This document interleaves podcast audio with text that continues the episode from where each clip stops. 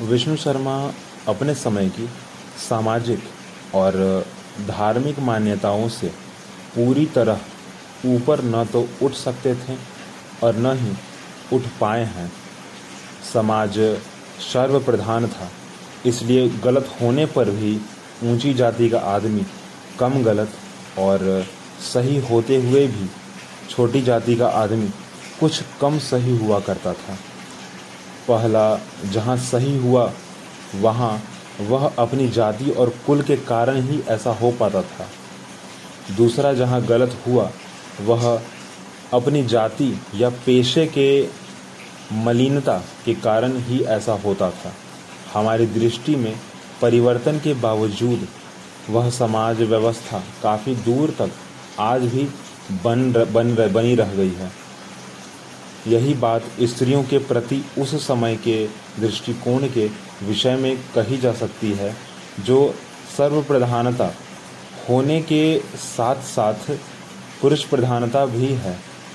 मानव स्वभाव की सारी दुर्बलताएँ उनके जमाने में केवल स्त्रियों में ही हुआ करती हैं। पुरुषों में तो वे स्त्रियों के संपर्क के कारण आ जाती हैं और इस संपर्क से अलग रह कर मनुष्य इस, इनसे बच भी सकता है। आज यह दृष्टि तो बदल गई है, पर व्यवहार में अभी विशेष परिवर्तन नहीं आ पाया। आर्थिक स्तर भेद के बीच में भी उस समय की दृष्टि अलग थी, जो वंचित था। वह पीछ, वह पिछले जन्म के कर्म का फल पा रहा था, और जो समृद्ध था, वह पिछले पुण्य का भोग कर रहा था।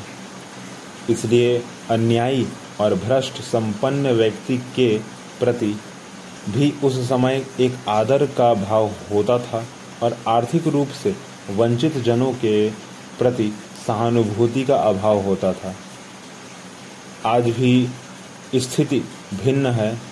आज की स्थिति भिन्न है। पर इतनी भिन्न नहीं कि इसमें से कोई भी दृष्टि आमूल बदल गई हो। पर इसके बाद भी अपनी वस्तुपरकता के कारण अनेक मामलों में विष्णु शर्मा अपने समय के से काफ़ी आगे चल रहे थे। वह तुलसी की तरह पूजीय विप्र, यद्यपि गुणहीन, शुद्र न पूजती, वेदा प्रवीण। कहने की जिद नहीं पालते। उनकी कहानी का एक चालक शुद्र, राजकुमारी से विवाह कर सकता है। उनकी उनकी कहानी का एक चालक शुद्र राजकुमारी से विवाह कर सकता है। ब्राह्मण, ब्राह्मणी या राजकुमारी, उतनी ही व्यभिचारी व्यभिचारी हो व्यभिचारी हो सकती है, जितनी एक साधारण उल्टा वह भाग्यवाद वह भाग्यवाद को पूरी तरह खारिज तो नहीं करते, पर जो विधान ने लिखा है, जो विधना जो विधना ने लिखा है छठे मास के अंत, राई घटे न तिल बढ़े, राहु रे जीव निशंक निशंक। राहु रे जीव निशंक। कहकर भाग्यवाद का प्रचार नहीं करते, अपितु इसको मानते हुए भी कर्म और उद्यम पर बल देते हैं, जो भाग्य को भी बदल सकता है, या जिसके बिना उसका भी भोग नहीं किया जा सकता, जो भाग्य में बंधा बंधा है या बंदा है।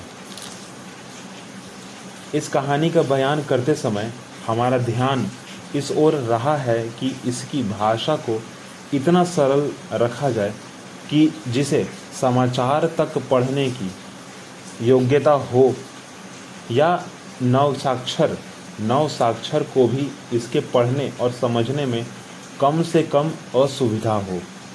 विषय की तकनीकी सीमाओं के कारण अनेक स्थलों पर तत्सम, तकनीकी शब्दावली का भी व्यवहार करना ज़रूरी हुआ है, पर साथ ही यह प्रयत्न किया गया है कि उनका भाव नश्वर, नवसाक्षरों की भी समझ में आए, आ जाए। इसके बाद भी हम इस बात के निर्णायक नहीं हो सकते कि हमें इस प्रयत्न में कितनी सफलता मिल पाई है। शैली जितनी सीधी और सरल होनी चाहिए थी, उतनी सर्वत्र हम नहीं रख पाए हैं। इसका एक कारण तो यह है कि इस तरह का वर्णन कहानी की मार्मिकता के बावजूद अक्सर उबाऊ हो सकता था। दूसरे अनेक स्थलों पर अपने युग की दृष्टि को ध्यान में रखकर पंचतंत्र के लेखक के दृष्टिकोण से असहमति जताना, वर्णन में व्यंग्य का पुतला कर ही संभव है। ठुकला कर ही या पुटला कर ही संभव है। इस स्थलों पर असंगति के प्रसंगों को छोड़कर अन्यत्र हमारा प्रयत्न सीधी और सरल भाषा और वाक्य रचना का प्रयोग करने का ही रहा है। तत्सम शब्दों का यथासंभव कम प्रयोग उसी आशय को प्रकट करने वाले अधिक लोकप्रिय शब्दों, बोलचाल के पदों या वाक्यों, भंगियों का वाक्य भंगियों का प्रयोग करने का प्रयत्न भी इसमें दिखाई देता है। वह इस कहानी को अधिक सरल बनाता है और अधिक भदेह अधिक भदेह। यह निर्णय भी हमें और हमारे वंश का नहीं है। संस्कृत शुक्तियों में गागर में सागर भरने का जो प्रयत्न है, उसके कारण प्रायः लोग इसे और इन्हें कंठस्थ कर जाते हैं और इसी रूप में ये जीवन में निर्णायक क्षणों से अधिक उपयोगी हो हो पाती है, उपयोगी हो पाती है। गद्य में अनुवाद करने का आशय तो समझ में आ जाता है, पर पूरी तरह याद नहीं रह पाता। इन कहानियों को पढ़ने वालों में कुछ की रुचि निश्चय ही इस बात में होगी कि वे कुछ सुक्तियों का ज्ञान रश्मियों वो कुछ सुक्तियों का ज्ञान रश्मियों को अपनी स्मृति में उतार सकें।